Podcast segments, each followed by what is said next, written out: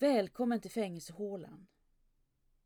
Här synar jag gamla kriminalfall eller very cold cases och även om jag dramatiserar en aning försöker jag hålla mig så nära sanningen som möjligt. Brotten som jag tar upp är både kända som okända och spänner över det mesta, från fylleri till mord. I Haga låg också en betydande del av Göteborgs Red Light District. För många år sedan fick jag frågan om jag ville hålla ett föredrag för en mansklubb om prostitutionen i Göteborg ombord på en båt i hamnen. Jag förklarade för personen som ringde att i så fall blir det ett föredrag om prostitutionen på 1800-talet. Gott så, svarade mannen. Det låter intressant. Jag är absolut för idén att man ska utmana sina fördomar. Men jag var ganska orolig för att åhörarna skulle bli besvikna. Några veckor senare stod jag framför omkring 60 högtidsklädda män i skrovet på en båt med havet gungande under mig. Publiken lyssnade uppmärksamt. Men i slutet fick jag frågan som jag hade hoppats att få slippa.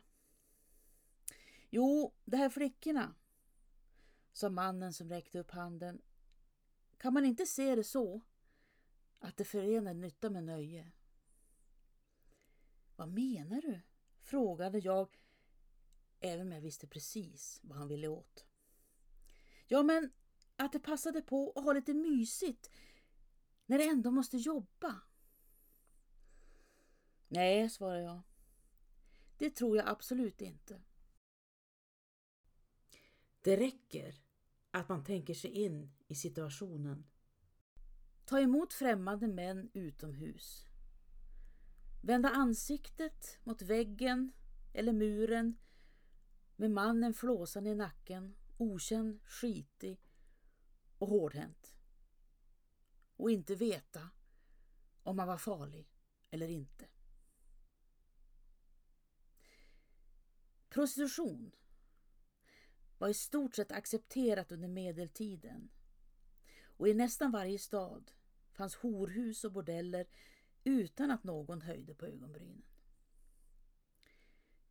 Det förändrades med syfilis. I början verkade den nya sjukan inte vara så farlig. Lite utslag. Men utslagen kom tillbaka och förvärrades och slutstadiet av sjukdomen kunde innebära både galenskap och förlamning. Syfilis ställer till med stora besvär både för samhället och för den enskilde. När sambandet mellan sex och den nya sjukdomen var ett faktum i slutet av medeltiden förvandlades syfilis till skammens sjukdom.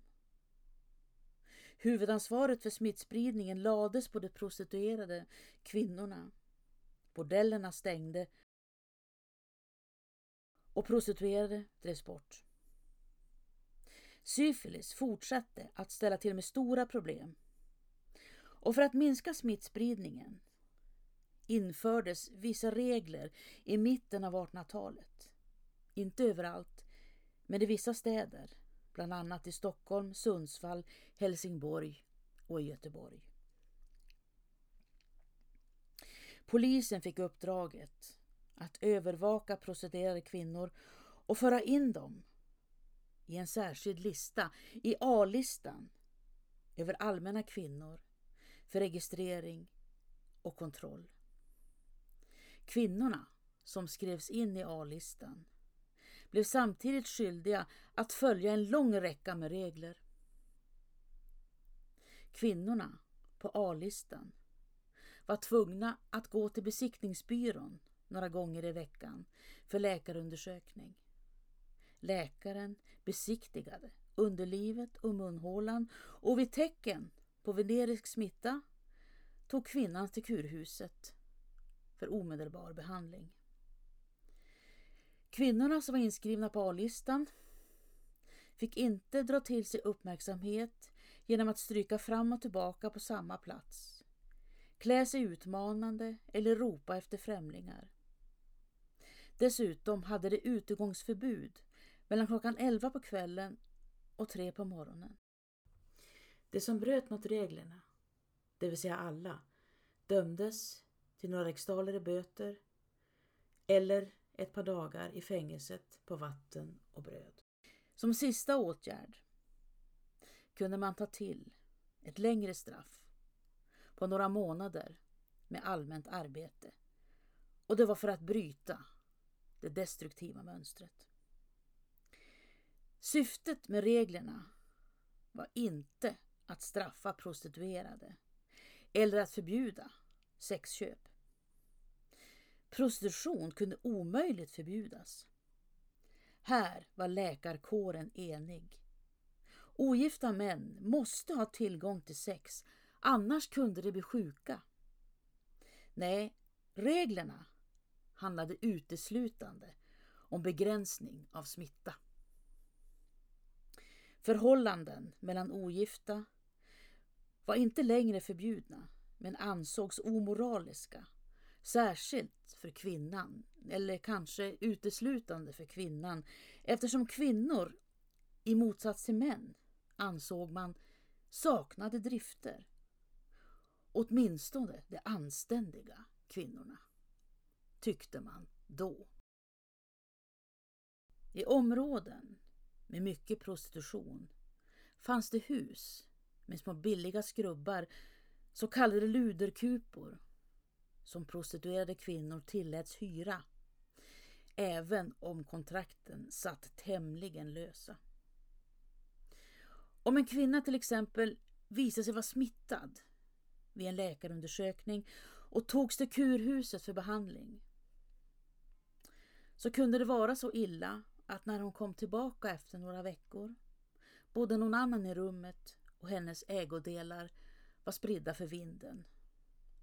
Och då var det bara att börja om från noll. Livet förändrades drastiskt för de kvinnor som skrevs in på A-listan och blev en rundgång mellan gatan, besiktningsbyrån, läkarundersökningen, kurhuset, poliset och fängelset. För Svarta fröken, Snuslotta, Påfågeln, Sotarepojken, Knäckte madrassen, som alla hette något annat egentligen, men det var inskrivna i polisens A-lista. Orsakerna till varför kvinnorna hamnat i prostitution varierade. En del kvinnor kom ur svåra levnadsförhållanden medan andra saknade arbeten. Men en sak var säker. Ju yngre kvinnan var när hon kom ensam ut i livet och skulle klara sig själv, desto större var risken för att hon skulle slås ut. Två av de inskrivna kvinnorna i A-listan var Augusta Maria Almgren och Maria Theresia Kvistegård som båda var födda och uppvuxna i Göteborg. Augusta Maria Almgren, eller Allmänna kvinnan nummer 42, tvingades lämna sitt hem redan vid åtta års ålder när hennes mor dött. Efter det fick hon klara sig på egen hand med tiggeri. Allmänna kvinna nummer 8 åtta, Maria Theresia Kvistegård, hamnade på sned eftersom hennes far, som var polisöverstekonstapel och enkeman, inte tog vård om sina barn utan lät dem frodas som ogräs. Maria Theresia förde tidigt ett vilt liv. Vid 20 hade hon rest runt med flera kringstrykande sällskap både i Sverige och i Danmark.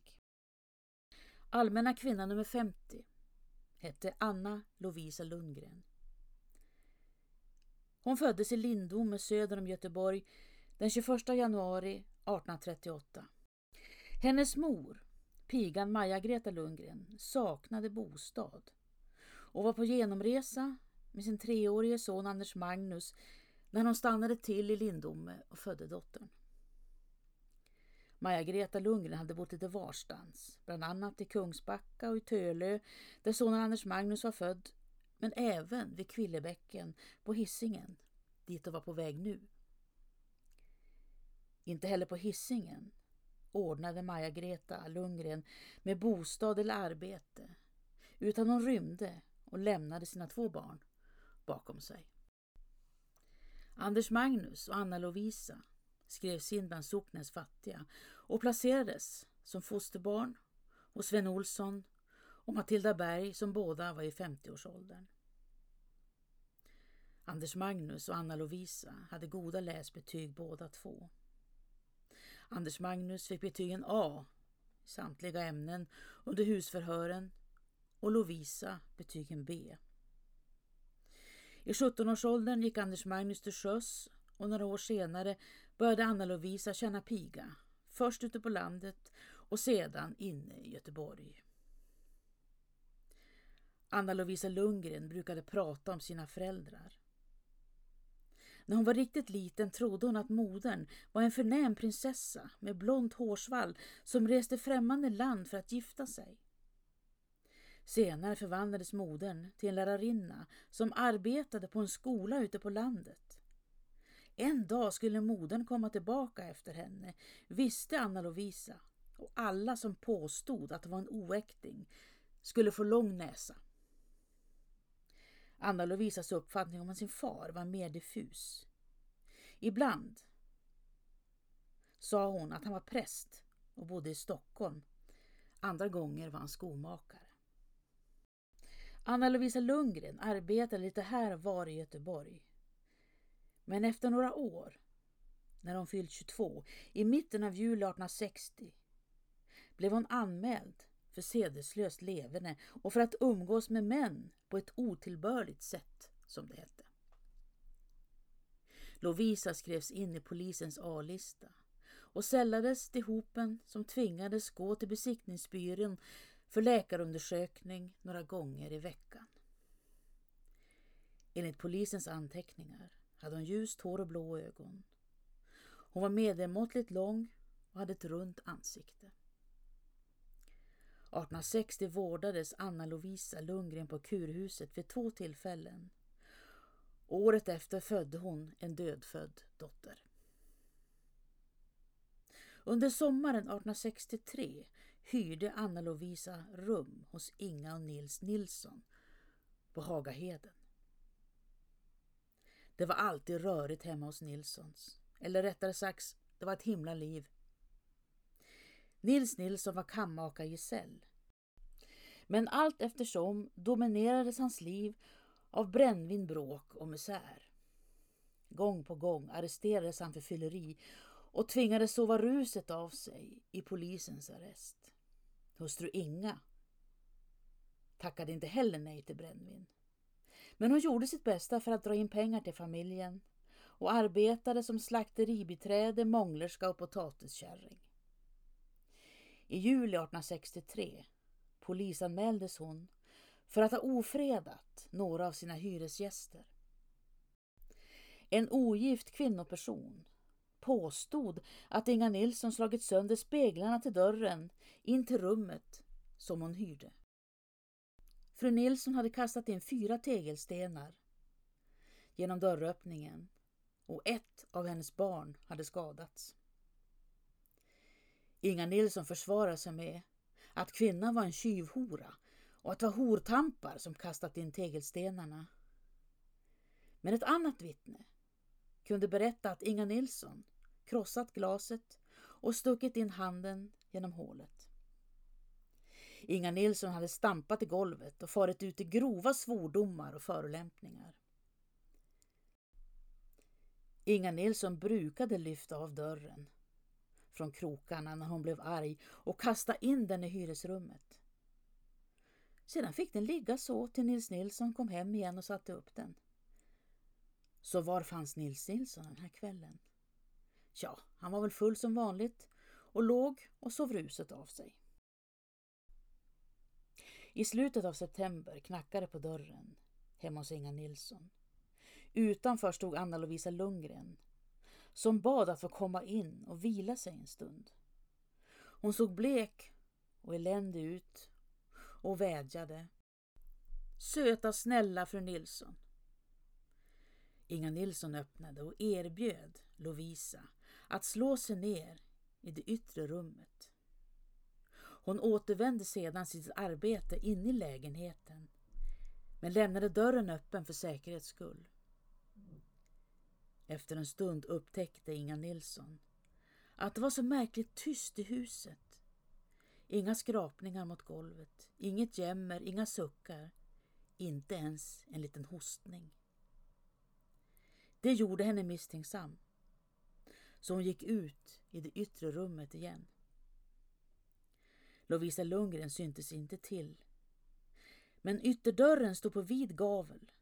En blårandig, nystruken och stärkt bomullsklänning som hängt på väggen för en stund sedan var också borta. Inga Nilsson anmälde stölden till polisen. Men rättegången fick skjutas upp flera gånger. Antingen var Inga Nilsson för sjuk eller för full eller så dök Lovisa Lundgren inte upp i rätten. Till slut infann sig båda två vid samma tillfälle. Anna-Lovisa Lundgren förklarade att hon varit smittad med venerisk sjukdom men inte haft några kläder att ta på sig när hon skulle gå till besiktningsläkaren. Det var därför som hon hade lånat klänningen av fru Nilsson. Inga Nilsson fick tillbaka sin klänning och Anna-Lovisa Lundgren dömdes till böter för stöld. Ett straff som omedelbart omvandlades till fängelse i tre månader. Stanken måste ha varit olidlig runt Inga och Nils Nilssons hus. I ett uthus ute på gården låg avfall och gödsel och i en öppen bod förvarades stinkande och ruttnande ämnen. Gång på gång tvingades Inga och Nils Nilsson böta för bristfällig renhållning både inne i huset och ute på tomten. Gödselkistan ute på dasset läckte så innehållet rann ut på gården, ut på marken och hela området stank latrin. Året efter, 1864, blev ungefär som året innan för Anna-Lovisa Lundgren. Hon bodde på Mellangatan i Haga och arresterades några gånger för att ha struntat i läkarundersökningarna på besiktningsbyrån. Jag hade inga kängor att ta på mig, svarade hon näbbigt på frågan varför hon inte gått till läkarundersökningarna. Den 12 juli greps Anna-Lovisa tillsammans med en annan inskriven kvinna i A-listan. Klockan var kvart i tre på natten och en kvart återstod av utegångsförbudet. Kvinnorna togs till polisen, läkarundersöktes och bedömdes som friska. I oktober 1865 var Anna-Lovisa Lundgren bosatt på Mellangatan 41 i Haga. Men då hade hon inte synts till på ett tag. Fyra månader senare den 26 februari gick arbetskaren Herman Persson ner i källaren till glasmästare Bengtssons hus på Bergsgatan 20 i Haga. Här var det skumt och trångt av tättpackat bråte, skräp och kläder som fyllde utrymmet. Herman Persson sökte efter ett ställ med tomma glasflaskor och i det skumma skenet tyckte han sig ana någonting som låg på golvet. Det var en kvinna som vilade på vänster sida. Hon hade nog legat så ett bra tag. Hennes ögon var slutna och huden påminde om sprucket läder. Läpparna var åtskilda ungefär som om hon log och blottade en glugg i övre tandraden. Källaren var i ordning. Kvinnans kläder satt som det skulle. Kjolen var neddragen till stövlarna och hattbandet under hakan var knuten med en dubbelknut.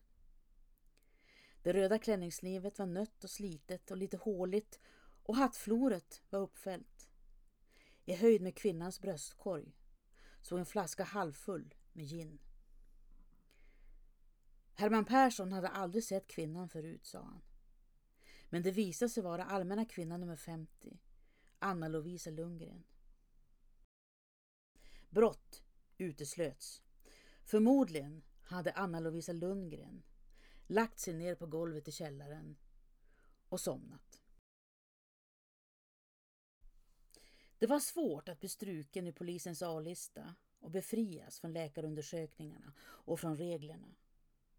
Äktenskap gav befrielse. Kronisk sjukdom kunde också ge befrielse. Precis som intyg om stadigt arbete. Men här fanns kryphål. Många ogifta män anställde prostituerade kvinnor som hushållerskor. Allmänna kvinna nummer åtta, Maria Theresia Kvistegård, befriades när hon fick anställning hos konditor Rudolf Frick på Norra Halmgatan. Men ett år senare var hon tillbaka på A-listan igen när Rudolf Frick gifte sig med en annan kvinna. Anna Lovisa Lundgren bodde en tid på Husargatan 27 i Haga. Precis som en av de andra inskrivna kvinnorna, kvinna nummer 97, Elisabeth Gustavsdotter. Elisabeth var bonddotter från Torslanda på Hisingen och hade en liknande historia som Anna Lovisa Lundgren. Hon hade kommit till Göteborg vid 17 och arbetat som piga i några år innan hon skrevs in i polisens A-lista. Hushållsarbete var slitsamt, det hade låg status och gav dåligt betalt. I början av 1866 fick Elisabeth Gustafsdotter anställning som piga hos fru Inger Maria Weisner på Husargatan 27.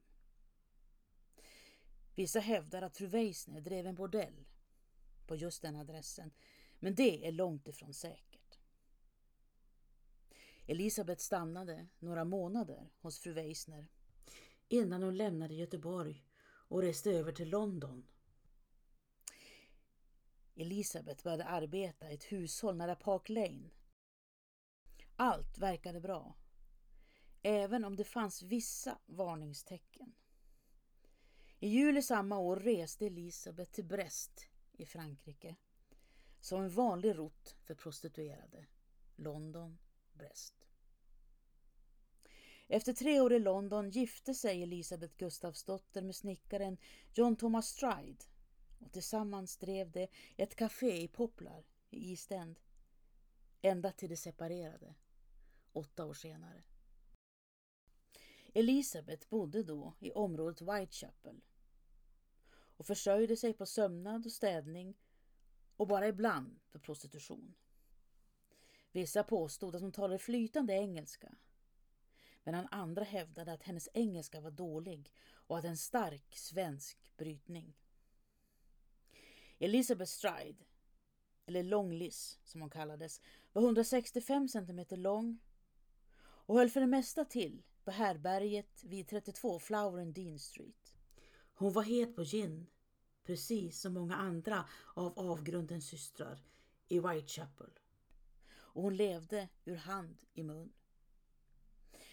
Gin var gisslet, både i London och Göteborg. Och kom ihåg den halvtomma ginflaskan som stod bredvid Anna Lovisa Lundgrens kropp i källaren på Bergsgatan 20. Natten mot den 30 september 1888 var kylig och regnig. Klockan halv sju på kvällen tog Elizabeth Stride en drink på The Queen's Head Public House tillsammans med en av värdarna för härberget på Flower and Dean Street. Efter midnatt, strax efter klockan halv ett på natten, stod hon och pratade med en man vid 40 Burner Street vid Socialistklubben. Polisen som gick förbi och fick syn på henne berättade att Långlis haft en blomma instucken i knapphålet på jackan och mannen som hon pratade med var kortvuxen och höll ett paket i handen. Ett vittne hade hört henne säga No, not tonight. Some other night. Några minuter senare var hon död. Mördad, som många tror, av Jack Uppskäraren, även om det är ifrågasatt. Hennes hals var avskuren, men kroppen hade inga andra skador efter hugg eller våld. Hennes kropp hittades vid Dutfield Yard strax intill Burner Street. Deckarförfattaren Patricia Cromwell skriver om Elizabeth Stride i sin bok Jack Uppskäraren, fallet avslutat. Elisabeth hade levt ett liv i lögner, av vilka de flesta var ömkliga försök att fantisera ihop en ljusare och mer dramatisk saga än sanningen om hennes dystra och hopplösa liv. Samma natt, inom en timme, mördades en annan av avgrundens systrar, Catherine Eddowes. Hon var 46 år och hade tillbringat kvällen fram till klockan halv ett på natten sovande ruset av sig i en poliscell. Vid ett sågs hon tillsammans med en man vid Duke Street nära Millers Court där hon hittades död en dryg halvtimme senare. I motsats till Elizabeth Stride var Catherine Eddowes svårt lemlästad. Jack Uppskäraren greps aldrig. Och det är kanske därför som myten om honom lever vidare och är så stark fortfarande. Vissa ger honom nästan hjältestatus och kallar honom för ett geni. Som ripperologen Donald Rumbelow. Och det kastar även ett slags skimmer över hans offer som höjs från sina tragiska existenser till halvkändisar. Många av husen i Haga är rivna nu. På Västra Skansgatan 17 låg en bordell men huset är borta sedan länge, precis som glasmästare Bengtssons hus på Bergsgatan 20 där Anna Lovisa Lundgren hittade stöd i källaren. Reglerna och läkarundersökningarna togs bort 1918, definitivt. Men Red Light finns kvar. För några år sedan visade sig att en kvinna lyckats ta sig in i bastun här på gården och öppnat verksamhet. Hur det gått till var en gåta, men det uppdagades av en skarpsynt granne som uppmärksammade att en ovanligt strid ström av främmande män kom och gick över gården.